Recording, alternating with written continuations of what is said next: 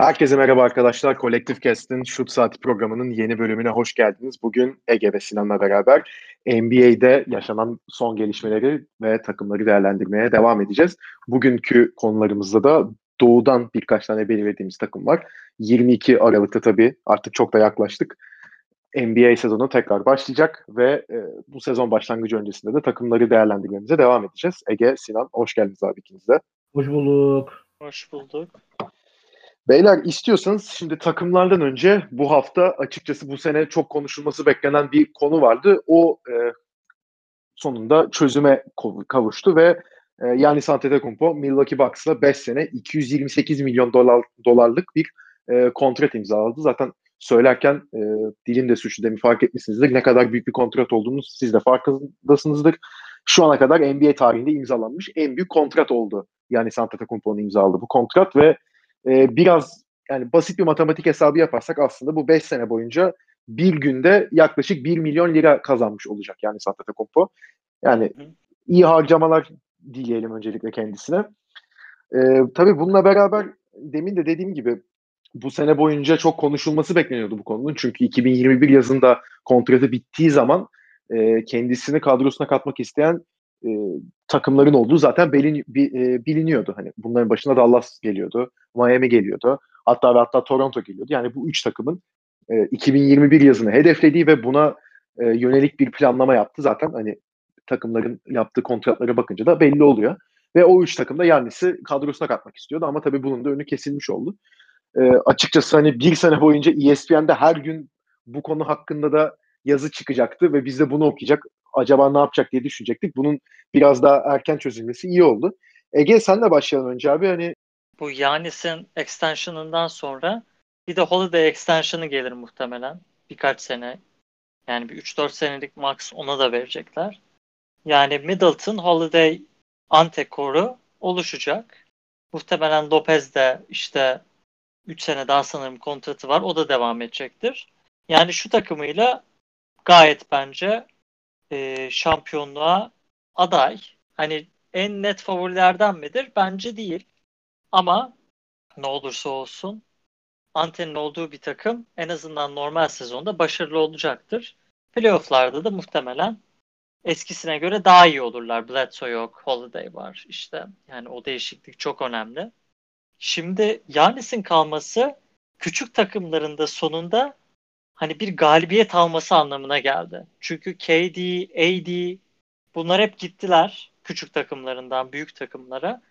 Ve Ante'nin en azından 5 sene kalması bu ligde çok çok büyük değişimlerin yaşanmasını bence önledi biraz. Çünkü Ante de eğer işte Golden State veya Miami'ye gitseydi muhtemelen artık takım sahipleri farklı bir CBA isteyeceklerdi.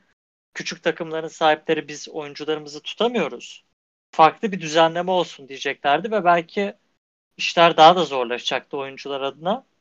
Bence o yüzden bu iyi bir hamle oldu lig için. İkincisi de Ante'nin super team ile değil de böyle Nowitzki vari kendi şehrinde kalması bence güzel bir hikaye oldu zaten. Son olarak yani Ante zaten 5 sene hani imzaladı ama 5 sene orada olacak diye bir şey yok sadece Milwaukee'ye azıcık daha sabırlı olma şansı verildi diye düşünebiliriz. Yani bir 2-3 sene zaman kazandılar ve bu LeBron dönemi Cleveland'ların yaptığı o günü kurtarma hamlelerini şimdi o kadar yapmalarına gerek yok. Yani azıcık daha dikkatli davranabilirler ama ellerinde çok bir trade asset veya böyle önemli bir genç oyuncu da yok. Yani o Bogdanovic olayı ellerinde patladığı zaman biraz sıkıntıya girdiler ama bence yine de yani Bucks'ın Yanis'le o extension'ı yapması iyi oldu. Onlar için çok çok iyi oldu ve gerçekten hani hem Milwaukee şehri hem Bucks hem de Yanis bunun en büyük kazananları kaybedenler de onu isteyen takımlar oldu muhtemelen ama şimdi zaten ilerleyen dakikalarda da konuşacağız. Onlar da başka yönlere aktarırlar bakışlarını diye düşünüyorum. Sinan senin Antetokounmpo'nun extension'ı ile ilgili düşüncelerin ne ve sence kariyeri için yani doğru bir hamle yaptı mı? Ee, şimdi bakacak olursak aslında yani ilk olarak benim aklıma şey geldi bu 5 senelik extension haberi gelince. Net bir şekilde artık Drew Holiday takasının kazananının şey oldu belli oldu. Ee, box oldu belli oldu. Çünkü hani Yannis elinizde olunca size Yannis garantili bir playoff başarısı sunmuyor belki ama Yannis'in olduğu takımın garantili bir e, normal sezon başarısı var. Draftlarda normal sezon sonuçlarına göre yapıldığına göre ve sizlerin de söylediği gibi Yannis e, Instagram'da da böyle biraz duygusal bir post paylaşmış. Çünkü ben daha önceki şeylerde de yayınlarımızda falan falan da söylemiştim. Yani. Milwaukee şehrinin Yannis'in elinden tutması ve şehirle beraber MVP seviyesine gel- gelmiş oluşu, Amerika'ya da açılan penceresinin Yannis'e Yanis'in bu şehir olması bence en azından bir extension'da Yanis'i tutacaktır. Çünkü takımı ve şehri çok seviyor diye duyuyorum okuyorum şeklinde söylemiştim. Şimdi e, koçun dediği gibi belki 3. ya da 4. seneden sonra işler değişebilir. Ama en azından ilk 3 seneye falan baktığımız zaman hani baksın zaten piklere 28-30 bandında gidecekti ilk tur için. O yüzden takasın e, şey Bucks tarafından en azından kendi konjonktüründe net bir şekilde kazanan olduklarını söyleyebiliriz. Bu 3 tane pik artı ikinci tur pikleri falan da vardı. Drew Holiday için gayet e, verilebilir. Hatta bir win diyebiliriz yani bir e, steal diyebiliriz. Onun dışında yeni eklemeler oldu zaten. Yani George Hill'in gidişi kötü ama mesela DJ Augustin geldi yanlış hatırlamıyorsam. DJ Augustin geçen sene değil ama ondan önceki sene bu e, e, Vucevic'in bu All-Star olduğu sezonda özellikle DJ Augustin bu mar- şey Markel Fultzman'a daha şey almamıştı. O seviyelere çıkmamıştı. DJ Augustin özellikle playoff'ta böyle bir iki sürpriz maç almıştı Orlando. Ve takımın liderlerinden ve önemli oyuncularından bir tanesiydi. Aslında yani yapabilecekleri sınırlı olmasına rağmen hani lider pozisyonda iyi bir guard. Onun dışında Bobby Portis gibi bench'e ekleme geldi. Onun dışında çok fazla konuşulmayan bir Torrey Craig hamlesi oldu. Yine Bucks gibi savunma kurgusu yüksek bir takım için oldukça e, gayretli ve pozitif etki doğurabilecek bir kanat savunmacısı.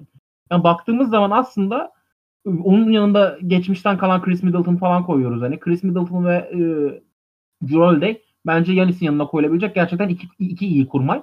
Ve takım kurgusu ve e, önümüzdeki senelerde de Bogdanovic gibi eki, e, teknik ekipsel hatalar gerçekleşmediği müddetçe Bucks cephesinde ve önümüzdeki kalabalık e, 2021 free agency dönemini de bir şekilde belki iyi e, değerlendirip takımı yüksek tutmaya çalışırlarsa ben bu takımdan çok hani hala ümitliyim açıkçası. Ve Yanis'in de e, koçun sormuş olduğu ikinci soruya gelecek olursak ben şahsen doğru kararı vermiş olduğunu düşünüyorum.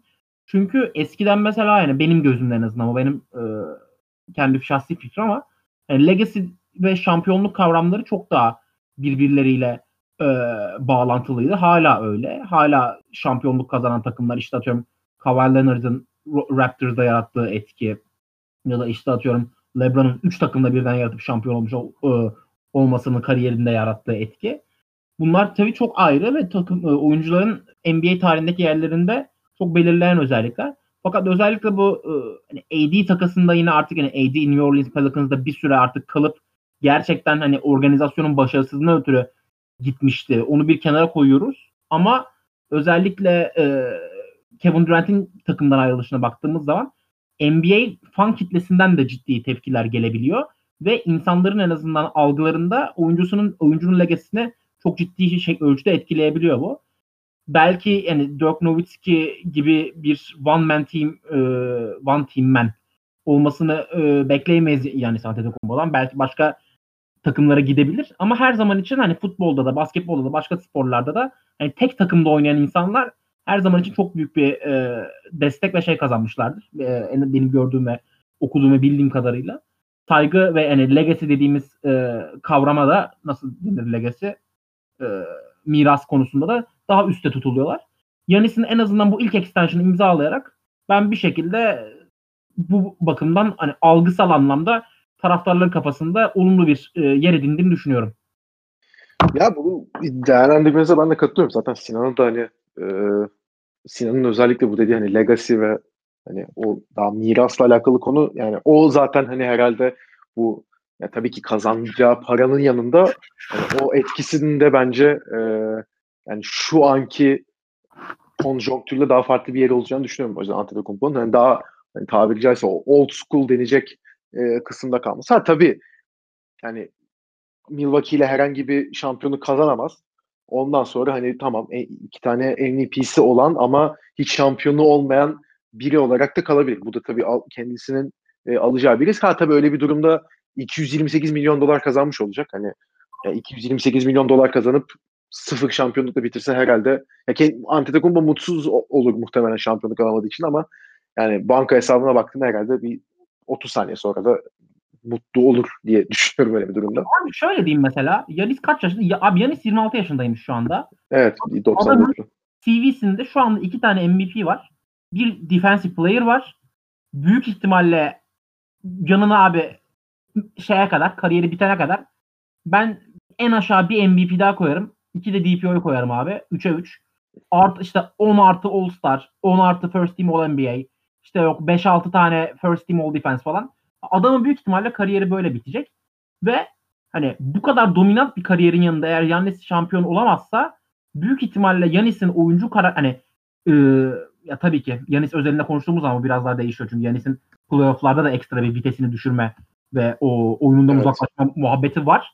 Ama şimdi böyle bu kadar geniş bir kariyere sahip bir adamın ısrarla tek bir takımda durmuş olması bir taraftar olarak bir NBA sever olarak şampiyonluk almasından daha öteye koyuyor o legacy dediğimiz kavram benim kafamda. Muhtemelen. Ben ne bileyim abi hani Steven Gerrard'dır falan. Bu tarz adamlar hep çok şey yapmışımdır. Saygı duymuşumdur.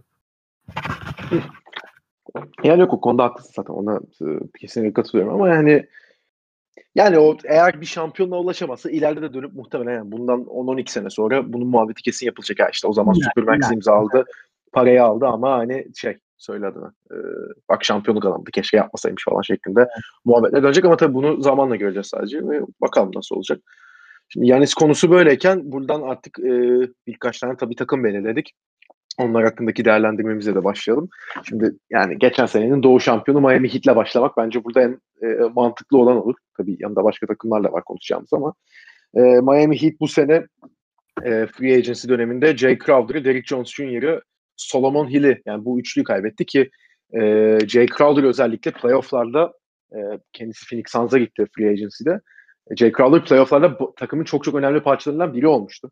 Hani özellikle de işte Bam'in, Bam Adebayo'nun 5'e geçtiği, Jay Crowder'ın da 4 oynadığı sekanslarla o saha yayılımını e, çok kolaylaştıran ve hani o tecrübesiyle de takıma hani klişe bir söz belki ama abilik yapabilen bir figüre dönüşmüştü Jay Crowder.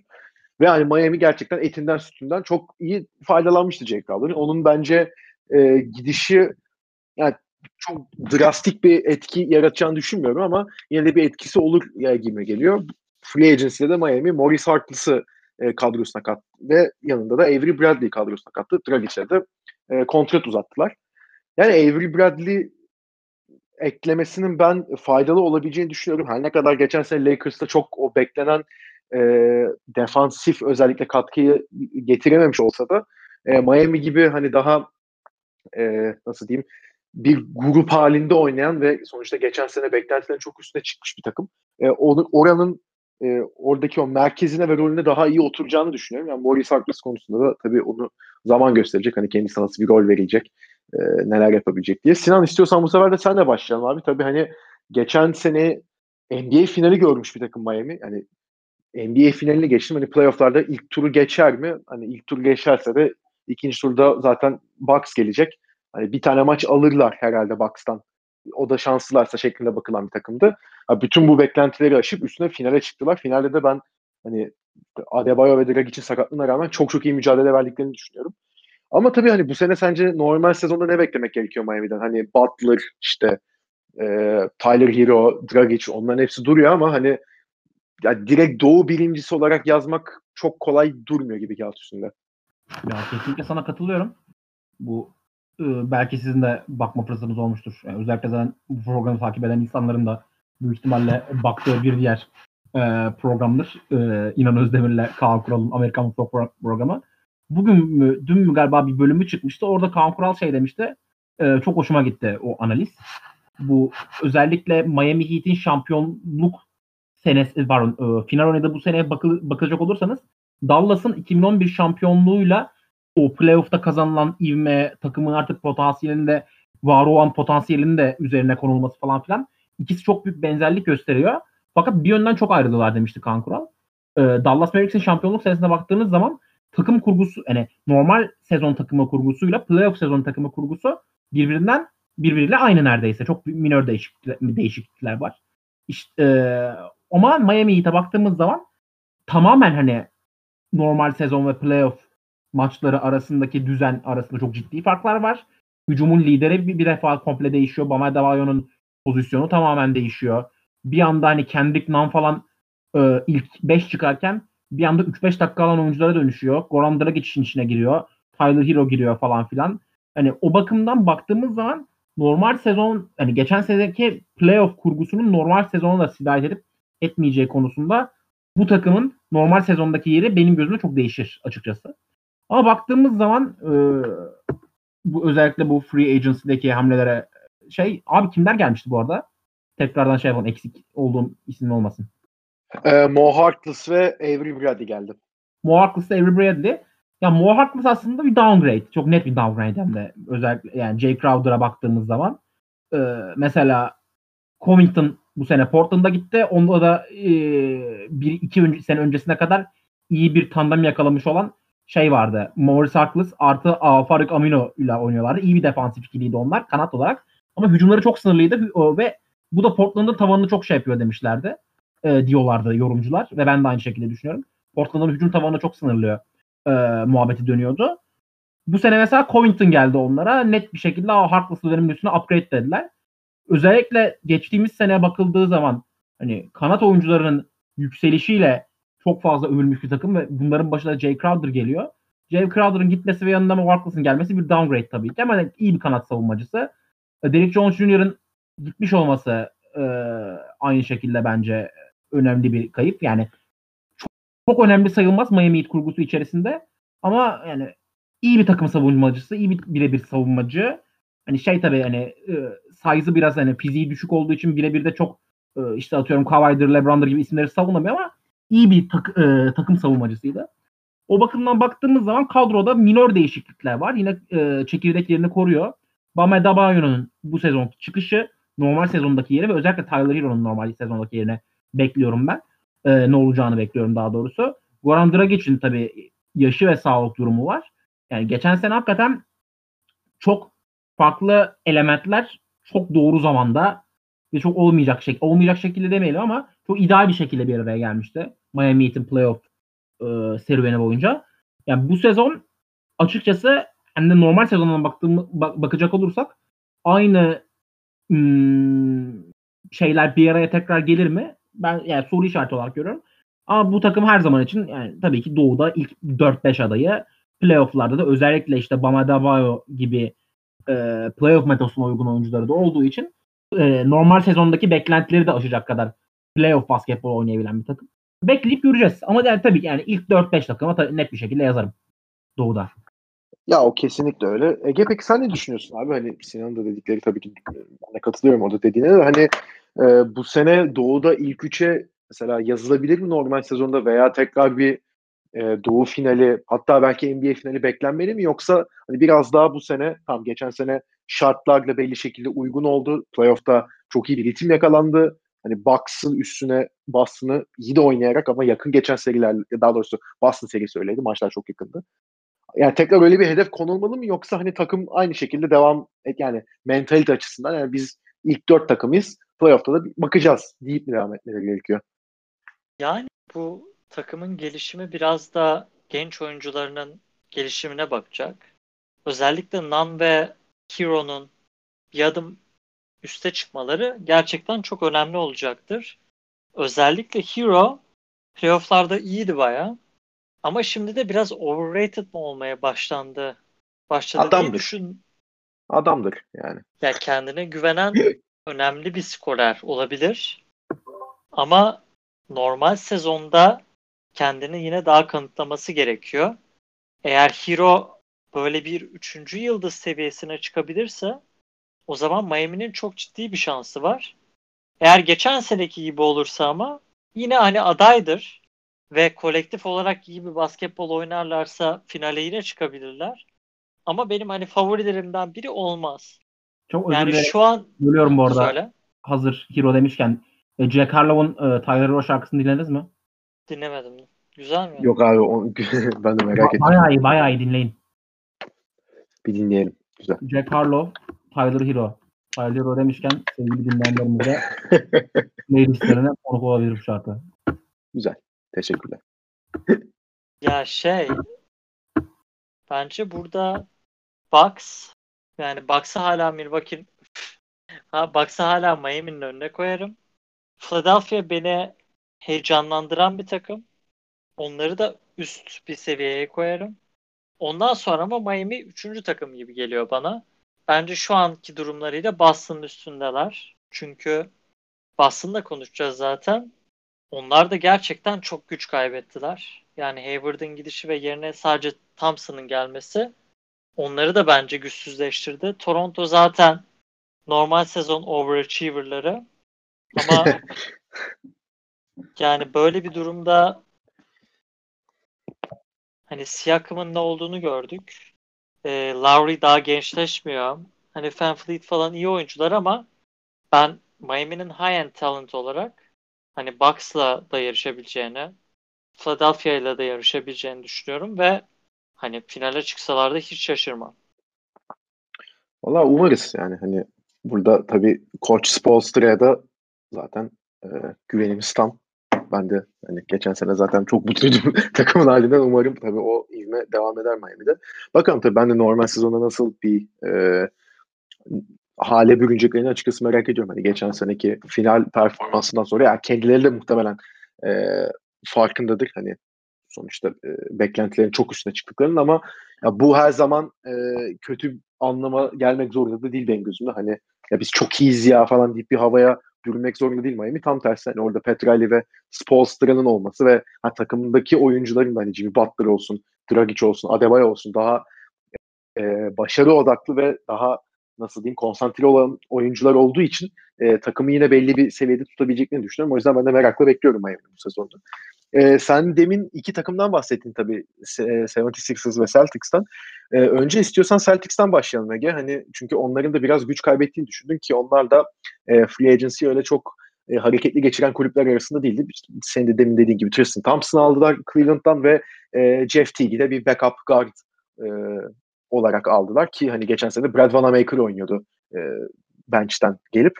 Yani onun aslında kıyasladığımızda Jeff Teague bir e, upgrade sayılabilir. Ama tabii e, Gordon Hayward'ı kaybettiler. Yani hücumda tabii. E, Gordon Hayward'ı kaybettiler. Yani Gordon Hayward'ı kaybetmelerinin tabii e, birkaç farklı durumu var. Gordon Hayward'dan zaten neredeyse hiç e, adam akıllı ya da yararlanamadılar sakatlıkları yüzünden ki ondan sonra da ritim bulmakta e, zorlandığını gördük. Geçen seneye tam iyi başladı bak ritmini buluyor derken yine bir sakatlık. E, tam hani ona da pek güvenemediler herhalde ve gidip yani tekrar bir 30 milyon yıllık vermek istememeleri ben gayet mantıklı buluyorum. E, bununla beraber de Vincent Poirier'i Oklahoma'ya yolladılar trade'le ve Enes Kanter de Portland'a gitti. Boston maçlarını daha rahat izleyebileceğiz sezon içinde. O açıdan iyi oldu tabii Enes'in gitmesi. Ya tabii burada hani Tristan Thompson'ın e, eklenmesi herhalde en e, göze çıkan hamle olabilir. Yani e, Daniel Tice'la oynuyorlar pot altında. Yani şimdi Tristan Thompson muhtemelen ilk 5'e geçecek. Yani yan yana oynayacaklarını pek düşünmüyorum. Yani hücum reboundu konusunda NBA'in önde gelen isimlerinden Tristan Thompson ama ya Daniel Tice geçen seneki açıkçası kadro içinde e, kendine belirli bir yer edinebilmişti. Yani Boston'ın bu sene nasıl bir seviyeye çıkacağını düşünüyorsun? Yani özellikle de Jalen Brown ve Tatum'un ya Tatum artık neredeyse bir süperstar seviyesine ulaşmış durumda. Jalen Brown e, hani Kawhi Light deniyordu kendisine ama bence ya light olmaktan da çıkıyor ve hani o da çok çok önemli bir oyuncu oldu artık. E, Kemba'nın bir sakatlığı var sadece şu an. Hani sezon başında tam ne halde olacak onu bilmiyoruz ama yani Boston'ın e, hedefini ve şansını ne olarak görüyorsun bu sene? Şimdi Kemba'nın sakatlığı buradaki en büyük belirleyici. Çünkü onun yani diz problemleri Charlotte'ın ona niye yüksek bir kontrat önermediğiyle ilgili en önemli teoriydi. Yani bu adamın diz sıkıntıları var. Özellikle kontratın 3. 4. senesinde negatif value olur dediler. Ve gördük ki özellikle geçen senenin sonlarında yani playofflarda da kötüydü. Bubble'da da kötüydü. Benim fantazide o kadromdaydı geçen sene. Sezona iyi başlamasına rağmen sonradan iyi değildi pek ve Kemba %100'e dönemeyecekse ben Boston'ın contender olma şansını yüksek görmüyorum. Çünkü Hayward da o takım için çok çok önemliydi ve hani teoride o takıma daha çok uyan, daha önemli bir ihtiyaçlarını karşılayan Thompson'ın gelmesi iyi gözükse de Hayward yani biraz Brown ve Tatum'dan sonra yine oyun kurabilen, biraz skor üretebilen yani neredeyse her şeyi yapabilen bir oyuncuydu ve öyle bir adamın dördüncü oyuncun olması büyük bir lükstü. Şimdi Hayward ve pardon Tatum ve Brown'un gerçekten bir seviye atlaması gerekiyor. Yani Tatum'un herhalde MVP adayı olması, Brown'un da All-Star olması lazım ki Celtics contender kalsın. Ve daha önemli bir konu bence Celtics'in bench'i de kötü. Yani bench'i gerçekten zayıf. Yani ben Celtics'te kafamda düşündüğüm zaman 6-7 tane playoff'larda rahat oynatabileceğin adam var. Yani Tice, Brown, Tatum, Kemba Smart, Thompson, başka yani sizin hani diğer kalan adamlar işte Carson Edwards, Ojale, e, işte Tristan Thompson da yine iyidir tabii onu da sayabiliriz. Grant Williams var. O pivotta süre alabilir bu sene. 4 evet sene. Grant Williams ama yani onlar da güvenilir adamlar değil veya çok sınırlılar. Teague desen Teague de defansta öyle bir eksi ki yani iyi takımların onu göndermesi devamlı belli bir şey ifade yani. ediyor. Yani Celtics'in eski yıllara göre de o kadro derinliğini kaybettiğini düşünüyorum. Ve gelecekte de yani tam Brown'la Tatum'un kontratları uzatıldı ve onlar için iyi şeyler bunlar ama Kyrie Horford ve Hayward'ın böyle gitmesi Celtics'ten onların da reputation'ının ne kadar düştüğünü gösteriyor ve inşallah biraz başarıları artar da Brown'la Tatum kalır. Gerçi Celtics'i sevmiyorum. Yani başarılı olmasalar da olur ama onların yani durumunu çok iyi görmüyorum açıkçası. E, Sinan buradan o zaman sana da sorayım. Hani yani Ege daha pesimistik yaklaşıyor olaya ama hani e, şu an hala Boston'dan sonuçta hani baktığımız zaman Tatum'da, Brown'da genç oyuncular. Ve hala yani Boston'dan beklenti hala daha yüksek ve hani e, bu sene açıkçası benim gözümde hani NBA finali yapsalar ki Miami'yi yenip yapmaları gerekiyordu bence. Hani ellerinde çok büyük bir fırsat vardı. E, yani Lakers'la nasıl eşleşirlerdi tabii onu e, tahmin etmesi güç. Hani farklı yönleri var. Ama hani e, böyle fırsatı kaçırdılar. Üstlerine de çok gidilmedi. Hani e, mesela Doğu finalinde Bucks veya ne bileyim Philadelphia falan yerlense da muhtemelen daha çok eleştirdilerdi. Ama yani bu seneye de yine o umutla giriyorlar. Ee, yani artık o final zamanı geldi mi Boston ve hani bununla beraber final yapamaz hatta doğu finali falan yapamazlarsa hani Brad Stevens'a yola devam ederler. Ne düşünüyorsun? Yani açıkçası ben şahsen Celtics'in bundan sonra alıcı, alma ihtimali alma ihtimali olabileceği başarısız sonuçların çoğuna çok büyük bir çoğunluğuna Brad, Brad Stevens'a ortak etmem. Yani ben açıkçası onun koç yani koçluk kariyerini ve koçluk mirası legacy'ye miras sunuyorlar bilmiyorum ama koçluk mirasını etkileyecek şeylerden olacağını düşünmüyorum. Bu yüzden de yani zaten çok uzun bir süredir Celtics'in başında ve neler yapabildiği de çok belli. Ve bugüne kadar hakikaten hani hem gerek egzekutif anlamında hani egzekutif anlamında hem takım içi e, bir e, abi bağlamında da diyebiliriz. Çünkü baktığımız zaman aslında kendisi de çok geç bir isim. Hatta hani e, şey e, Gordon Hayward Butler'da e, kolej oyuncusuyken onun koçuydu yani o da genç yeni çıkış yapmış bir koçtu. O bakımdan hani tüm bunları kombine ettiğimiz zaman ben Brad Stevens'ın kesinlikle takımından hani başka biriyle yeniden yola devam edeceklerini düşünmüyorum. Sen eğer böyle bir başarısızlık durumu olma ihtimali olursa. Ya yani ben Ege'nin dediği şey çok kısmı çok doğru. Hani Gordon Hayward onlar için bir lükstü ve özellikle hem geçen seneki hem bu seneki kadro derinliklerine baktığımız zaman yani bu lüks olmadan yani bu lüks zaten hani kadro derinliğindeki eksikliği telafi edecek bir lüks. Yani tabii ki Brown ve e, Tatum gibi iki oyuncunun yanında Hayward'ın bulunması hani onları zaten çok iyi yaptığı şeyleri yine çok iyi yapan başka bir isim var. Ama yani çeşitliliği de bu sağlıyordu. De, hani en azından o ikisinin o üçlünün kendi aralarında derinliği vardı. E şimdi baktığımız zaman e, onun gitmiş olması aslında nicelik anlamında takımı çok fazla etkilemiyor. Ama nitelik anlamında etkiliyor. Çünkü bu takımın rotasyonu hala dar. Ama tabii ekstra başka değişiklikler de oldu. Thompson bu şeyden bahsetmiştik daha önceki bölümlerde de yanlış hatırlamıyorsam. Hani Celtics'in özellikle pivot bölgesindeki stratejisi hani ucuz kontrat verebileceği farklı şeyleri iyi yapan ve topladığın zaman hani süreleri de dağıtarak hani pivot pozisyonunu aslında hani yapılabilir yani yapılması gerekenler olarak e, süre ve maaş bakımından 3'e 4'e böl- bölmeyi tercih ediyor. Ve bu mixin içinde Tristan Thompson dahil etmek için uygun bir isimdi. Yani Celtics için bir olumlu şey önümüzdeki sene açısından Marcus Smart geçen sene artık hani toplu da topsuz bir şekilde üretilmeye başlamıştı. Zaten hani bu takımın ruhu ve kalbi kendisi. Şöyle çok iyi bir kontrat alıyor bence.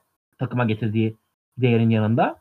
Ve onun artık hani bir şekilde skor anlamında da takıma yani üretkenlik anlamında da hücum planı anlamında da bir şekilde takıma dahil ol, olabilmesi bence onların playoff potansiyelini çok önemli ölçüde etkileyecek. Ama özellikle Gordon Hayward'ı sign and trade gibi yani hiçbir şey uğruna hani tamamen sıfır karşılıkla yollamış olmaları bence hani execute hani takım yöneticiliği anlamında olumlu bir örnek değil. Yani yine Ege'nin yine bahsetmiş olduğu hani Toronto Raptors gibi yani özellikle Toronto Raptors'ın ve bunun gibi daha ziyade yaş alan ve hani tek bir e, önemli bir e, Pascal Siakam da onlara bakınca e, süperstar olarak sayabiliriz ama e, daha takım e, nitelikleri üzerinden ön plana çıkmış ve yaşlanan birkaç takım yani özellikle Raptors'ın önüne koyuyor. Celtics'in özellikle Brown ve Tatum'un patlama potansiyeli. Yine benim de gönül rahatlığıyla ilk altıya sokabileceğim bir takım. Ama yani dediğim gibi Doğu'nun artık ilk sıra yani Doğu artık güçlenmeye başladı. Celtics'in ne yapacağı da açıkçası bu bahsetmiş olduğumuz kriterlere dayanıyor. Onlar üzerine ilerliyor. Abi, abi ben çok kısa bir bir konuya değinmek istiyorum. Hani sen dedin ya Brad Stevens'ın coaching legacy'si iyi falan diye. Evet. Ya aslında 5-6 senedir hani Celtics'in koçu ve özellikle bu IT'li yıllarda underachiever şey pardon overachieving takımların başında hani underdog takımları iyi yerlere getirmişti. Evet. Ama hani son birkaç sene onun bence coaching reputation'da o kadar da iyi gelmedi. Özellikle bu Kyrie'nin olduğu sene veya geçen sene hani Celtics o kadar beklentileri aştı mı veya hani Stevens çok fark yarattı mı koçluğuyla biraz sanki tartışılabilir bir Ya- yere geldi diye düşünüyorum. Siz ne düşünüyorsunuz bilmiyorum ama. Ya benim şahsi düşüncem bu konuda şöyle. Yani takım mühendisliği kurmanın birden fazla yolu var. Kimi organizasyonlar veteranların yanına gençleri tercih eder. Kimileri çok az veteranla beraber beraber büyüyecek gençleri ister. Yani ya timeline'ları bir şekilde hani bir oyuncunun işte draft edilişi, daha sonra olgunlaşması, prime'ı ve düşüş şeklinde ya bunları farklı farklı bir şekilde harmanlarsın ya da beraber götürmeye çalışırsın ve takımı el birliği içinde büyütmeye çalışırsın. Yani özellikle Celtics açısından yani Brown ve Tatum'un gelişi açısından ve tüm bunların yanına kağıt üstünde Kyrie'den Kemba'ya downgrade'lemiş bir takım var ve ona rağmen bir önceki senesinden daha iyi bir yapmış bir takım var. Brown ve e, Tatum'un yanına açıkçası benim şahsımca en uygun e, guard opsiyonlarından biri olabilecek ligde Kemba Walker'ı getirmişsin ve üstüne üstlük hani o pozisyonları da Gordon Hayward da vardı ve nerede yani aynı işi çok iyi yapabilen ve hani 2-3-4 pozisyonunu bir şekilde paylaşıp birbirlerinin de yaptıkları iyi şeyler konusunda ayağını basmaması beklenen ve üst yani draft yani şeyleri de değişen yani bu timeline dediğim mesela Gordon Hayward Celtics'e geldiğinde All-Star sezonu geçirmiş bir oyuncuydu. Brown ve Tatum çok potansiyelli olacağı yani çok potansiyelli çok iyi olacağı belli. Fakat bir şekilde gelişim koridoru çizilmesi gereken oyunculardı. Hani çatışan çok hani çok fazla şey oldu bu organizasyon içerisinde. İşte Kyrie'nin aslında kağıt üstünde Kemba'dan iyi olmasına rağmen takım özelinde takımı bir artık geri adım attıracak seviyede geri çekmesi vesaire. Yani tüm bunları aslında baktığımız zaman e, overall'da ben Brad Stevens'ın yönetimini iyi bir yere koyarım. Ben senin dediğin konsörleri de çok iyi anladım. Ama işte hani Cam, hani Kyrie Walker'ın ay Kyrie Walker, Kyrie Irving'in takım içindeki yeri işte bu Brown'da şeyde Tatum'da bunların yerleşimi, takım kurgusu yani ve elindeki underachiever takımlarla yapabildikleri şeyler. Ya bilmiyorum ben overall'da çok üst bir yere koyarım açıkçası. Ama dediklerini de anladım yani. Ben sadece timeline konusunda oturttuğum zaman kafamda bu adam başarılı bir iş yapmış diyorum. Yani o konuda eleştirilebilecek noktaları olduğunu ben de düşünüyorum. Yani özellikle bu e, Kyrie durumu. Yani Kyrie durumun yüzünden çok eleştiremiyorum kendisi. Kyrie çok apayrı bir vaka yani ama yani mesela geçen sene hani zaten demin de dedim. E, yani Miami'ye elenmesi bence eleştirilmeliydi. Yeteri kadar eleştirildiğini düşünmüyorum ben o konuda. Hani yerinde işte mesela Bucks'ın düştüğü durumu hani e, gördük. veya Philadelphia olsaydı onların yerinde çok daha farklı tepkiler gelirdi. O konuda daha az eleştirildi bence Stevens. Daha sempatik oldu ve daha genç olduğu için muhtemelen ama e, ya yine de ne olursa olsun ben yine başardı işlerin e, Boston'da en azından. Ya kurduğu yapının e, güzel olduğunu düşünüyorum. Şimdi bir, bence bir en azından iki sene daha bir bakmak gerekiyor ama hakikaten bir yere varmayacaksa ondan sonra tabii farklı şeyler düşünülebilir. E, Boston'da konuşmuşken buradan Philadelphia'ya geçebiliriz. Yani Philadelphia her sene başında bizi en heyecanlandıran takımlardan biri olarak yani bunu e, başarı veya oyun kıstası olarak değil de takımın genel olarak sezon içinde yaşadığı durum olarak söylemek gerekiyor. Ha bu takımların en başında geliyor ve bu sene de sağ olsunlar yaptıkları hamlelerle e, ve hani toplu bir değişime giderek e, yine bu trendi devam ettirdiler. Bir kere hani oyunculardan önce tabii e, GM olarak Daryl Morey'i getirdiler. Koç olarak da e, Clippers'la sözleşmesini e, yani daha doğrusu Clippers'a yollarını ayrıldıktan 24 saatle geçmeden direkt Doug Rivers'ı kaptılar ve onu getirdiler koç olarak da. Tabii Brett Brown zaten çok eleştiriliyordu. Hani bu takımı bir yere getiremediği konusunda özellikle medyada çok eleştiriler çıkıyordu. Embiid ve Simmons'ın e, birbiriyle olan uyumsuzluğu hep konuşuluyor. Hala konuşulmaya devam ediyor. Hani birini takaslanırsa bu takım için daha iyi olur deniyor. İkisi de hala devam ediyor ve pek açıkçası bu sene de ben ya bu e, free agents döneminde ikisinden birinin takımdan ayrılması yani daha doğrusu e, Ben Simmons'ı bu noktada daha yakın görüyordum ayrılmayı ama o da gitmedi. Bu ikisi kaldı. Doug Rivers bu iki oyuncuyu saha içinde daha e, yararlı şekilde kullanabilecek mi? Tabii bunu da göreceğiz. E, yani bu tarz değişiklikler yapılmışken free agency'de açıkçası bence iyi bir free agency geçirdiler.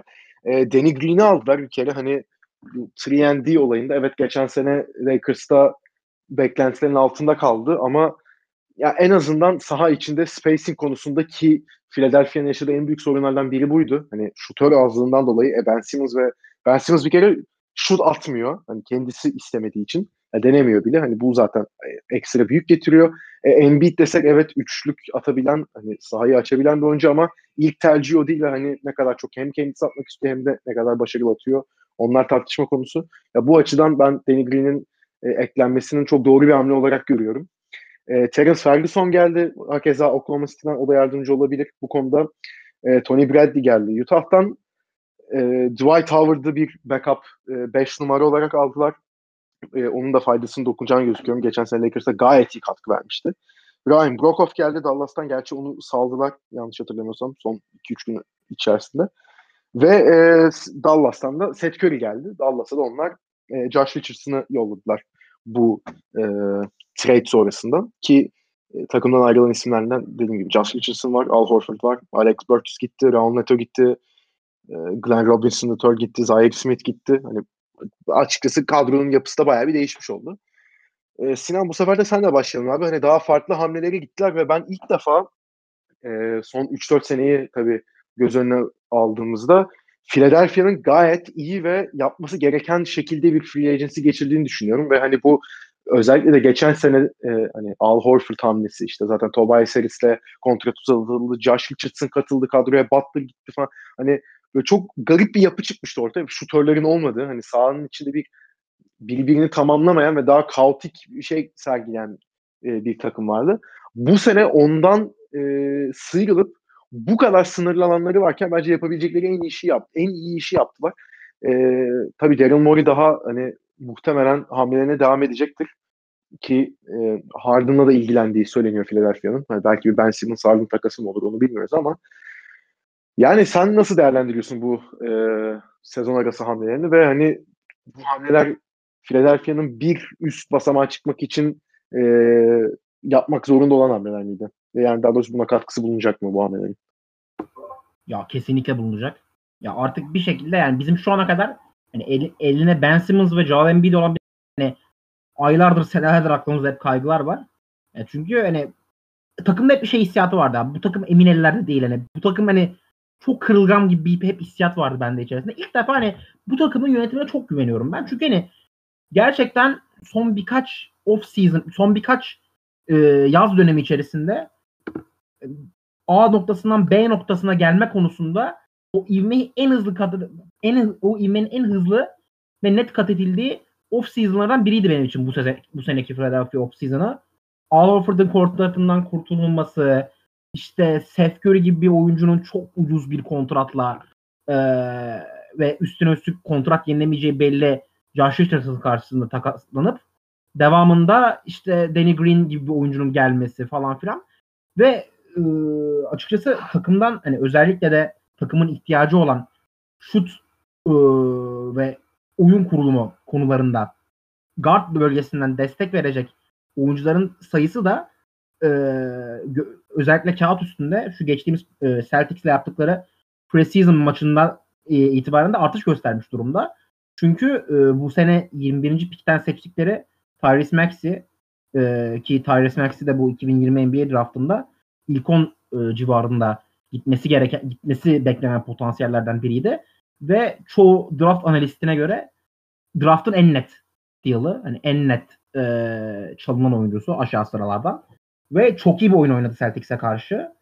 E, iyi şut atan, iyi giden potaya ve kesinlikle çok az e, top kaybeden bir oyuncu.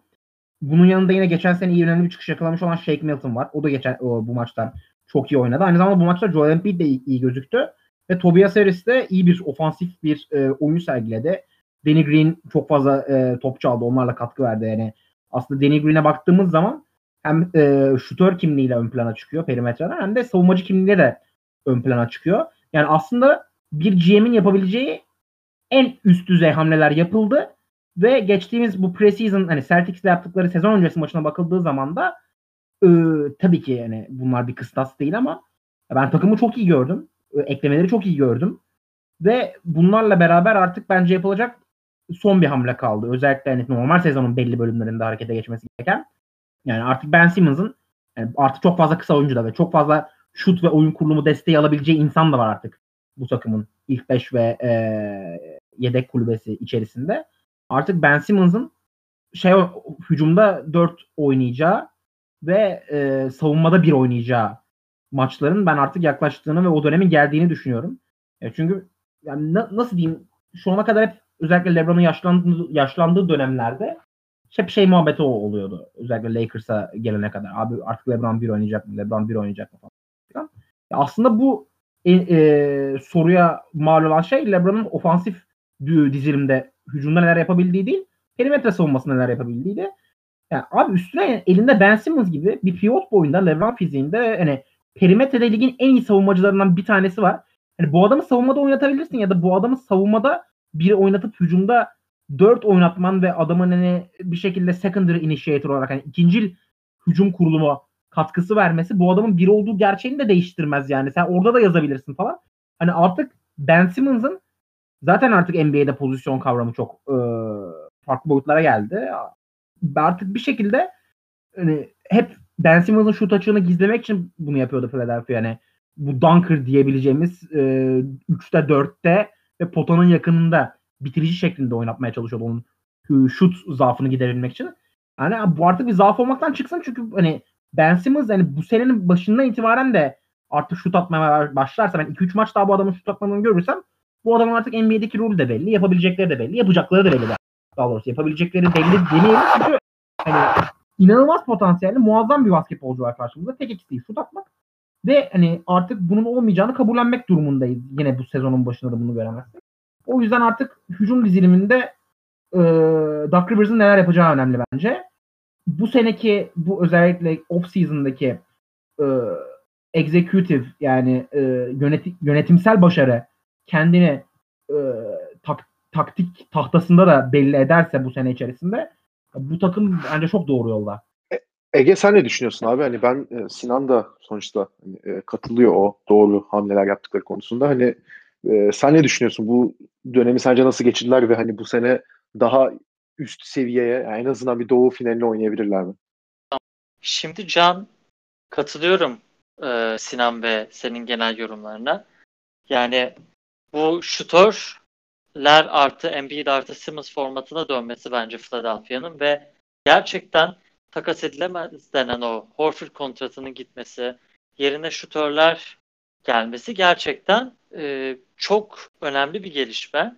Yani Daryl Morey'nin zaten bu takıma bir klas katacağı belliydi. Ve hemen geldiği an takımı çok iyi şekilde değiştirdi. Ben hani Green Curry hamlelerinin de iyi olduğunu düşünüyorum hakikaten. Hani Dwight Howard da 10-15 dakika maç başına iyi iş yapacaktır. Philadelphia'da da son yıllarda gördüğümüz istatistik Embiid ile Simmons zaten beraber oynadıklarında hani şutör de olduğu zaman gayet öldürücü bir ikili. Ve bu 2018 senesinde o Covington, Redick e, olan takımlarda bunu daha da iyi görmüştük. Çünkü o dönem de format buydu ve beklenmedik bir 50 50-51 galibiyet almışlardı sanırım ve playofflarda işte üst tura çıkmışlardı. Şimdi o takımın formatına geri dönüş bence çok olumlu olacaktır. Yani Doug Rivers'ın tabi burada yapacağı kadro düzenlemeleri önemli. Bir de hala tam olarak bir oyun kurucularının olmaması. Natural bir oyun kurucu. Milton'ın durumunu görmek lazım ama o biraz dezavantaj. Ama Sinan'ın dediği gibi hani Simmons'ın tam pozisyonu belki bu sene 1'e geri dönecek. Belki şut atabilirse 4 olabilir mi? Hani gerçekten bence bu takımın en önemli belirleyici faktörü Ben Simmons şut atabilecek mi?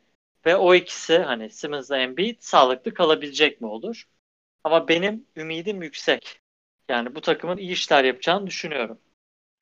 Yani tabii ben de merakla bekliyorum açıkçası. Değişik bir takım oldular. Hani e, nasıl bir sonuçla karşılaşacağız. Bu açıkçası ben de merak ediyorum. Şimdi buradan açıkçası e, bir de son e, daha hani altlarda kalan ama e, son bir iki senede özellikle de hani e, belli hamlelerle biraz yukarı çıkan bu free agency ile çok iyi geçiren bir takım var. Biraz da ondan daha bahsetmek istiyoruz.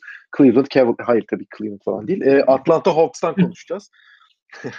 e, Atlanta yani zaten geçen sene e, Capella'yı geri kadrosuna katmıştı. Hani Capella ondan sonra sakatlığı sebebiyle oynayamadı zaten ama hani onlar açısından yine de bir iyi hamle olmuş. Zaten hani e, geldiğinden beri e, büyüyen ve hani çok farklı bir seviyeye ulaşan Trey Young e, ismi var onlarda ve hani onun etrafında belli bir yapı kurulacağı zaten e, ortadaydı.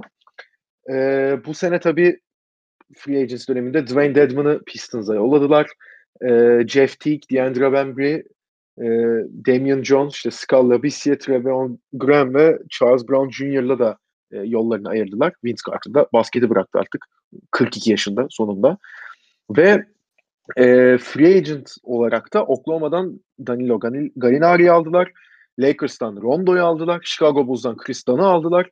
Miami'den Solomon Hill'i aldılar ve e, önce Bucks'la anlaşan ama e, NBA kurallarının e, karşı çıktığı ve bu yüzden de iptal olan e, sözleşme sonucunda tekrar hani Kings'e geri dönen ve bu e, deal oluşmadığı ol, bu deal'ı oluşturamayan Bogdan Bogdanovic'i kadrolarına kattılar ki Bogdanovic e, hamlesinin burada ben Atlanta için çok çok iyi olduğunu düşünüyorum. Yani gerçekten çok farklı bir takım hüviyetine e, büründüler bir kere. Hani Rajon Rondo'nun oraya gelmesi yani Trey, e, Trey Young'dan çok daha farklı bir isim. Çok daha farklı e, oyun tarzı olan bir isim ama e, Atlanta'nın hani böyle bir bence oyun kurucu zekaya ihtiyacı vardı. O açıdan çok iyi oldu. E, Capella hala duruyor. Onun yanına e, son iki senedeki geçen sene Oklahoma'da da e, çok iyi performans gösterdiğini düşünüyorum. Gallinari'nin gelmesi çok iyi. E, Bogdan Bogdanovic gibi hani Trey Young'ın e, üretkenliğinin daha e, belli günlerde sonuçta her gün kendisi çıkıp 40 sayı atamaz. E, Trey Young'ın daha düşük üretkenlikte geçirdiği maçlarda topu alabilecek ve oyunu yönlendirebilecek, kendi hücum opsiyonlarını da yaratabilecek, kendi kendine pozisyon yaratabilecek de bir oyuncu aldılar. Yani Atlanta'nın da hani Philadelphia ile beraber bu e, free agency'yi e, e, en başarılı şekilde geçiren takımlar arasına koyarım muhtemelen. İlk beşe çok rahat koyarım hatta. E, Ege sana burada bırakıyorum lafı. Hani Atlanta bu sene yani doğuda playoff yapar mı diye sormak e, çok açıkçası mantıklı bir soru değil. Zaten hani doğuda 6 tane takıma kesin playoff yapar diye biliyorsun. Kalan 7-8'i de mecbur. Hani 8 takım girdiği için 2 tane takım dolduruyor ama Atlanta herhalde bu sene playoff'u artık yani eşek değillerse yaparlar. Ama hani e, genel güzel bir yapı kurdukları var. Genel güzel bir yapı kurabildiler bence ve hani e, devamlılık açısından sence Atlanta nereye gider? Ne düşünüyorsun? Dediğin gibi yani Atlanta bir sürü çarçöp adamı gönderip yerine NBA'de ortalama üstü birkaç oyuncu transfer etti. Hani Galinari, Bogdanovic ve Capella bunlar Yani önemli isimler. Rondo belli bir tecrübe getiriyor. Kristan da o takımda tek savunma yapacak oyuncu olarak gözüküyor Capella haricinde. Yani bu takımda bence belirleyici faktörler şunlar olacak. Zaten hücumda iyi olacaklardır. Yani bu kadar hücum gücü çünkü hala işte Kevin Herter falan da var bu takımda. Yani şutör ve skorer eksikliği yok bu takımda. Önemli olan savunmalarının ne kadar kötü olacağı. Hani lig sonuncusu olacak kadar kötü olurlarsa 7. 8. sıra playoff takımı olurlar. Azıcık daha geliştirebilirlerse kendilerini hani 23. 25. falan bile olsalar Doğu'nun azıcık daha üst sıralarını zorlayabilirler. Burada benim merak ettiğim birkaç şey var. Birincisi geçen sene draft edilen DeAndre Hunter ve Cam Reddish'in bu sene gösterecekleri gelişim ve eğer birisi bir üst seviyeye çıkarsa o zaman Atlanta gerçekten hani contender olmaz ama kompetitif bir playoff takımı olur diye düşünüyorum. İkinci soru John Collins'ın extension durumu ile ilgili. Yani muhtemelen o extension'ı imzalamayacaklar daha. Çünkü sanırım Collins max kontrat istiyor. Ama Atlanta da onu vermek istemiyor. Şimdi muhtemelen sezona başlayacaklar böyle. Ve Collins'ın oynama durumuna göre ya restricted free agent olur sene sonunda ya da takas ederler. Çünkü birazcık da hani Collins'in iyi olduğu yerler daha potaya yakın. Ne kadar biraz üç, yani üçlü de fena olmasa da. Ama Capella ile orada biraz overlapleri oluyor. Ve hepsinin nasıl beraber uyacağı birbirine biraz soru işareti geliyor bana. Özellikle de yani yani Trae Young bu takımın birinci yıldızı ama diğer adamlar hakikaten yani o topu nasıl paylaşacaklar? Çünkü şimdi hani skor üretmeyi isteyen daha çok oyuncu var bence ve hani Bogdanovic ve Gallinari özellikle önceki takımlarına göre daha küçük rollere sahip olacaklar. Collins'in geçen seneye göre rolü azalacaktır. Yani Young'ın bile az bir şey de olsa azalabilir. Yani bu takımda herkes nasıl mutlu olacak ve savunmada nasıl şey yapabilecekler? Yani kim mesela hani ilk 5 olarak e, Trey Young, Collins, Capella, işte Bogdanovic herhalde veya Herter. Ama orada işte bir soru işareti de var. Gallinari yedekten gelecek evet. Ama işte Hunter mı başlayacak, Reddish mi başlayacak? Dördüncü sıradan seçtikleri adam en mantıklı hani dördüncü, dört numara hatta bir small ball'da beş numara oynayabilecek bir isim gibi duruyor Red, şey Hunter. Reddish de yani onun da gelişmeye ihtiyacı var aslında. Ve geçen sene bir anda böyle genç yeteneklerin doldurduğu bir kadro gibi gözükürken hani bu sene sanki bir anda o veteranları getirince o genç hareketin önü kesilmiş olacak. Yani birazcık da bence o genç oyuncuların da gelişimine bağlı olarak ve sakatlık durumuna bağlı olarak hani Atlanta'nın durumunu göreceğiz. Ben playofflar için de kesin der miyim bilmiyorum. Çünkü şu an aklımda sıraladığım zaman e, Toronto, Milwaukee, Boston, Philadelphia, Nets, e, belki Pacers. Pacers'ın da bu sene daha ortalama olma ihtimali var. Heat. E sonra Wizards var. Şimdi Westbrook geldiğinde onları da dışta saymamak lazım. Yani Atlanta'nın işi zor da olabilir yani. 7'den 8'den girerler veya belki veya 9'dan yani o playing game'lere en azından kalırlar bence. Ama bakalım yani girememe ihtimallerini de ben yüksek görüyorum. Hani yüzde 60 falan derdim playoff'lara girme ihtimalleri. Çünkü ben Wizards'ı high-end talent olarak daha üst bir seviyeye koyarım.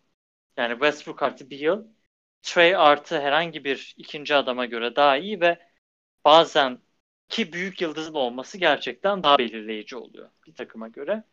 Sinan sen ne düşünüyorsun bu konuyla ilgili? Ya son dediğin noktaya kesinlikle katılıyorum. Özellikle hani Westbrook'un artık ne kadar önemli bir taban taban yükseltici ve tavan düşürücü olduğu hepimizin malumu. Ama özellikle tam bu seviyelerde elinde Westbrook gibi adamın olması sana çok ciddi bir üstünlük katıyor. Yani özellikle hani Westbrook zaten bir süperstar. Hala bir süperstar. Ve bu seviyelerde artık hani tam artık hani vasatın üstü ve ortalama yani ortalamanın biraz üstüne yakın tam o aralıkta bu kombinasyon çok daha önemli. Yani iki süperstarın ol, olması. Yani bir bir yıla süperstar der misin? Ben star derim. Süperstara yakın bir star ama. Yani öyle iki oyuncunun olması Trey artı başka birinin olmasından çok daha önemli. Sana kesinlikle katılıyorum orada. Ama şey hani konsörünü de anladım. Hani bu takımda eli topun eli topun topu elinde tutmak isteyebilecek fazla insan olacaktır diye. Ya ben şunu hatırlatmak istiyorum. Geçen sene Hawks Trae Young sahadayken de sahada değilken de ki zaten Trae Young gibi bir savunmacı değil ama korkunç bir savunma takımıydı ama şeyi de unutmayalım yani. Trae Young sahada yokken bu takım korkunç bir hücum takımıydı aynı zamanda. Yani olay tamamen Trae Young'un üzerinden dönüyordu. Ve hani Trae Young dinlendiği zaman yerine süre alabilecek herhangi bir oyuncu yoktu yani. Özellikle hani topu kurup bir şekilde takımın 24 saniye içerisinde bir şeyler üretmesini sağlayabilecek ve çok verimsiz hücum ettiği zamanlar oluyordu e, Atlanta Hawks'ın. E şimdi böyle baktığımız zaman hani en baştan bir draft, e, draft diyorum. E, free agency dönemine bir alalım. Yani 2021'de tabii bu free agency class çok daha kalabalık ve Hawks'ın da bol miktarda cap space vardı. Ama Atlanta Hawks hiçbir zaman hani Trae Young'ın varlığı belki fark yaratabilirdi ama hiçbir zaman hani e, serbest oyuncular için çok cazip pazar olmadı. Olacağını da düşünmüyorum. O bakımdan hani bu sene hani elindekileri bir şekilde kombine edip çok tutarlı bir takım yaratma konusunda Atlanta Hawks gibi yani pazar büyük olsa da hani Atlanta Hawks genel itibariyle sanki küçük pazar takımıymış gibi bir muamele görüyor ve yani, yani şartları da öyle açıkçası. Atlanta şehrinin potansiyeline rağmen.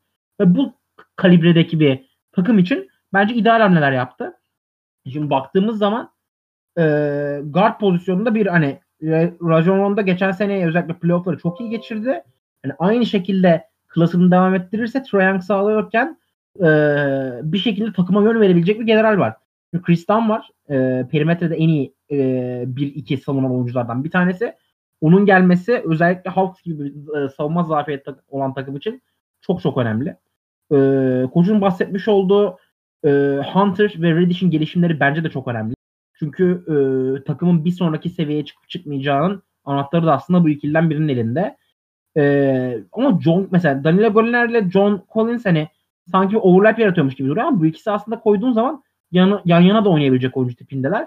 Ama Bogdanovic geldi. Yani Bogdanovic hani yıldız değil ama birçok yıldızın süperstar seviyesine gelebilmek için e, edinmeye çalıştığı bir yetenek onunla doğuştan hani bu hani abi son 5 dakika ver oynasın hani kim oynasın abi Trae Young oynasın ya da bu adam oynasın. Bir şekilde e, güven veren bir e, kilit çözücü diyebiliriz aslında kendisi için ve e, özellikle Atlanta gibi potansiyel vadeden bir hücum takımına bu tarz bir özellik getirdiğin zaman e, yani tabii ki geçen seneki Dallas'ın yaptığı gibi bir hücum patlaması olmaz ama ciddi hücum reytingleri elde edebilirken görebiliriz bu takımı. Yani baktığımız zaman aslında e, özellikle gelin bahsetmiş olduğu bir hani 4-5 bölgesindeki over, overlap ikincisi de takım, kimlerin topu elinde tutmak iste, isteyip istemeyeceği bu takımın uzun vadede yani sezon içerisinde uzun vadedeki durumunu etkileyebilir. Ama hani ben kesinlikle playoff yani play-in turnuvasına kalacaklarını düşünüyorum. Orayla alakalı şöyle bir iddiam var benim. Ee, özellikle play-in turnuvasından başlamakla beraber e, ben Onyeka Okongwu'nun ilk 5'e oturacağını ve Tyler Hero'nun geçen sene playoff'larda ve özellikle hani ve Bam Adebayo'nun da hani pivot bölgesinde playoff metasında yaptığı e, değiş, e, değişiklikler ve devrimler üzerinden Okongwu'nun bir şekilde e, ilk 5'e yerleşeceğini özellikle playoff metası içerisinde gerçekleşeceğini düşündüm play-in turnuvasında. E, takımın önemli isimlerinden biri haline gelebileceğini düşünüyorum.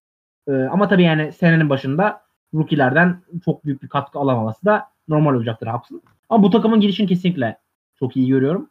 Yani açıkçası Atlanta Hawks GM'i ne yapabilirdi? Bence bunları yapabilir. Sadece hani tek ufak yorumum. Şimdi geçen sene 82 maçlık bir sezon olsa 24 galibiyet almış bir takım bu. Evet. Hani bir anda iki katına çıkarmalı hani falan realistik değil herhalde. Yaklaşık 500 civarlarında dolaşan bir takım olur gibi geliyor bana. Buyurun. Bilmiyorum size nasıl geliyor ama. Zaten o, o, o yüzde de aslında doğuda playoff etmek için yetiyor abi. Yani 40-41 galibiyet alsalar zaten doğuda 7 yani 8'den giriyorlar playoff'a. Ama işte doğuda sanki azıcık geliyor yani bu Wizards'ın da işin içine gelmesi, Nets'in güçlenmesi hani biraz sanki fark yarattı gibi geliyor bana. Bilmiyorum yani Nets zaten potadaydı da yani biraz ritim bulurlarsa abi yani bilmiyorum Westbrook sonuçta hani bu arada son olarak da biraz da Wizards'tan bahsedecektik bu arada. Hani konu tabii oraya gelmesi de iyi oldu. Yani Washington tabii daha farklı bir durumda. Hani burada şimdi Russell Westbrook'u aldılar Houston'dan. John Wall'u yolladılar. Yani zaten bu ikisi yani iki kontratta sadece birbiri karşılığında takaslanabilirdi NBA'de. Hani öyle iki tane felaket kontrat. Yani draft'tan Deni Advia'yı Avdia pardon onu aldılar. Yani e, övülen bir oyuncu ama ben açıkçası pek bir şey bilmiyorum. Hani size bırakacağım orada lafı. İşte Free Agency'de de Anthony Gill geldi Kimki'den. Robin Lopez geldi. Bir de Raul Neto geldi. Ee, kaybettikleri oyuncularda da Jalen Grant gitti. Jan Mahimmi gitti. Shabazz Napier gitti. Gary Payton işte yani Gary Payton'ın oğlu olan Gary Payton gitti. Birkaç tane de pek e, yani NBA'de tutulması mümkün olmayan başka oyuncular var. Onlarla da yolda geldiler ama yani playoff yapabilir mi? Wizards yapabilir. Ama yani Beal'la Westbrook hani ne kadar uyumlu olacak? Hani uyumlu olsalar bile hani Westbrook'un ben Beal'ı pek sallayacağını düşünmüyorum. Hani ne kadar hani Beal çok e, iyi bir oyuncu olsa da hani tamam Harden'la, Kevin Durant'la işte ne bileyim Paul George'la oynadı Westbrook daha öncelerinde ama hani bunların zaten yayın öncesi de konuşuyorduk. Orada da demiştim bunu. Hani e, bu oyuncuların e, potansiyeli daha doğrusu tavanıyla Bradley Beal'ın ikisi bence çok daha farklı. Hani sonuçta MVP olan oyuncularla oynamıştı Westbrook. Onlara topu bırakıyordu belki bir şey demeden ki Houston'da da yaptı bunu ama topu eline de çok aldı. Yani Beal konusunda bir de Scott Brooks'un koçluğunu yaptığı bir takımda ya ben Scott Brooks'un tamamen Westbrook'a bırakacağını işi ve hani Beal'ın bundan sıkılıp belki takas isteyebileceği bir senaryo olabilir. İkisinin saha içinde çatışacağı bir senaryo olabilir. Yani bunları bilmiyoruz. Yani dediğim gibi playoff yaparlar ama hani Atlanta'nın da hani bu denklemden ben yani bu denklemin dışında kalacağını pek ben zannetmiyorum. Yani 8. ilk için bence Wizards'la onlar kapışırlar. Ki yani Pacers belki dışarıda kalır. Onu tabii bilemiyoruz şimdi ama ya ben Atlanta'nın 7-8'den bir şekilde kendini bununla beraber atacağını düşünüyorum. Wizards'tan çekineceğim Westbrook dolayısıyla hala var. Yani Wizards'ta da bilmiyorum öyle çok yetenek olarak pek bir şey göremiyorum onun haricinde. Daha yani bakalım hani siz ne düşünüyorsunuz? Hani Wizards'ta benim hani bir NBA playofflarında oynayabileceğini düşündüğüm bir 5-6 oyuncuları var. İşte Westbrook, Beal, Bertans çok önemli bir kontrat imzaladı ve üçlüğü çok önemli onun. Yani spacing konusunda gerçekten takımı çok rahatlatır. Thomas Bryant yani geçen sene özellikle çok büyük beklentiler olan ama sakatlıktan ötürü çok oynayamamıştı. Ya onların harici işte Troy Brown Jr. fena bir oyuncu değildi. Avdia ve Hachimura var. Daha e, şey olan. Genç ama yani Hachimura geçen sene istatistiksel anlamda fena değildi ama ben hani böyle onu çok üst düzey bir oyuncu olarak görmüyorum. Sadece demek istediğim hani Wizards bence düşünüldüğü kadar da e, dar bir kadroya sahip değil. Zaten playofflarda genelde dar kadroya dönülüyor. Burada olay hani Westbrook oynamadığı zaman o back to back'lerde falan orada ara açılır mı diye düşündüm. İkincisi de hani Beal Westbrook ikilisi nasıl olacak ve e, hani ikisi toplam mesela 55-60 sayı arasında atarsa ya o zaman ne olursa olsun bir şekilde bu takım en azından play-in turnuvasına katılır. Ha yani playoff'a girse bir şey yapabilir mi? Muhtemelen yapamaz ama Westbrook gibi bir floor raiser geldiğine göre ben de onların hani Atlanta ile veya Orlando ile falan yarışmasını bekliyorum. Sinan sen ne düşünüyorsun? Ya açıkçası tamamen de senin gibi düşünüyorum.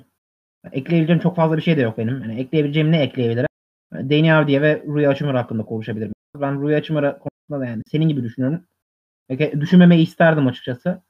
Ama yani özellikle hani çok demode hücumu ya Hachimura'nın ve şey yani yarı sahayı okuyamıyor. Yani bazen 3-4 tane pas verebileceği doğru insan oluyor. Ama illa adam potanın dibinden böyle hani %10 başarı ihtimali olan post fade'ler atmayı deniyor ve atıyor da onları en bir şekilde. Ama hani ya tabii ki çok genç bir oyuncu ve açıkçası hücum konusunda verdiği tercihleri de çok iyi bir savunmacı değil, de değil aynı zamanda. Hücum konusunda verdiği tercihler de değişecektir. Ama yani uzun vadeli potansiyeline baktığımız zaman ben bir Rui Hachimura'dan böyle bir için hani fiziksel özellikleri her ne kadar onun White'ymiş gibi dursa da hani bir Yanis çıkmasını, birini çıkmasını falan hani böyle çok önemli bir ivme kaydetmesi falan Hachimura'dan açıkçası çok öyle bir şey beklemiyorum. E, işin üzücü, üzücü kısmı Avdia'dan da çok fazla beklemiyorum açıkçası. Bu Avdia hani ilk 5'ten seçilmesi beklenen bir oyuncuydu. Ama ben son dönemde bazı şeyleri elit elit seviyede yapamadım müddetçe Luka Doncic gibi. Hani e, good at everything, best at nothing tip oyuncuların bu ligde yani çok fazla tutunabildiğini görmedim açıkçası. İyi yani potansiyeli de çok ıı, açıkçası hani yüksek bir oyuncu ama şu şu seviyede hiçbir şeyi çok iyi yapam yapamayacağını düşünüyorum ben. Yani özellikle hani bu çaylak duvarı derler ya hani ça- skill seti çaylak duvarını postlamaya en müsait oyunculardan bir tanesi an itibariyle. Yani o bakımdan da hani tabii ki ileriki senelerde çok daha farklı şeyler vere, verebilir ya da ikinci sezonda çok büyük bir patlama yapabilir vesaire. Ama hani şu sezonu konuştuğumuz için ve hani play-in mücadelesinde var olmaya çalışacak bir Wizards'tan ben açıkçası genç oyuncularından çok büyük bir katkı alıp almayacağı konusunda endişeliyim. Thomas Bryant hani e, ilk baştaki yeri ve hani spacing etkisi ve saire gibi durumlarla bu tablonun dışında kalıyor tabii ki. Ama onun dışında yani bu takımın da yine bir şekilde hani tavanını belirleyecek diyemeyeceğim çünkü Rus, hani kaptan güvertesinde Russell Westbrook olan bir takımın e, tavanın neresi olduğu belli. Ama tavanın da neresi olduğu belli. Ama hani açıkçası Bradley Beal ve e, Westbrook'un e, performansları üzerinden şekillenecek bu takımın performansı. Bekliyoruz. Valla evet hani tabii nasıl bir şey olacak yani Westbrook'un olduğu her ortam zaten eğlenceli ve hani ucu biraz açık. O yüzden ben de hani bu Westbrook Washington birlikteliği nasıl olacak? Hani Westbrook sonuçta ilk defa Doğu Konferansı'nda oynayacak. Hani nasıl bir etkisi olacak? Onu da merak ediyorum. Ya böylelikle de zaten 5 takımı konuşmuş olduk ve hani en azından şimdi Doğu Konferansı'nın bir kısmını değerlendirmiş olduk. Zaten hani kalan takımlar var. Evet biliyoruz. Daha konuşacağımız takımlar da var ki hani NBA'in başlamasıyla beraber de bu takımları değerlendirmeye hani biraz da maçlarına bakıp ve oyuncularına durumlarına bakıp e, onları konuşmaya devam edeceğiz ki Batı'da da daha konuşacağımız çok. Zaten çok takım var. O yüzden daha konuşacak çok da olay var. Haftaya da zaten e, NBA başladığı zaman işte dediğimiz gibi 22'sinde NBA başlayacak. 24'ünde de zaten e, Christmas maçları yapılacak. Zaten e, hani en çok izlenen ve hani matchup'ları açısından da en çok merak edilen maçlardır. E, onların da değerlendirmesini yapacağız zaten Ege ve Sinan'la beraber. Beyler ağzınıza sağlık. Güzel bir değerlendirme oldu. Öpüyoruz. Aynen öyle. Çok iyiydi beyler. Çok teşekkür ediyorum. Valla ben de teşekkür ediyorum. O zaman bizi dinlemeye devam edin. Hoşçakalın. Hoşçakalın. Hoşça kalın.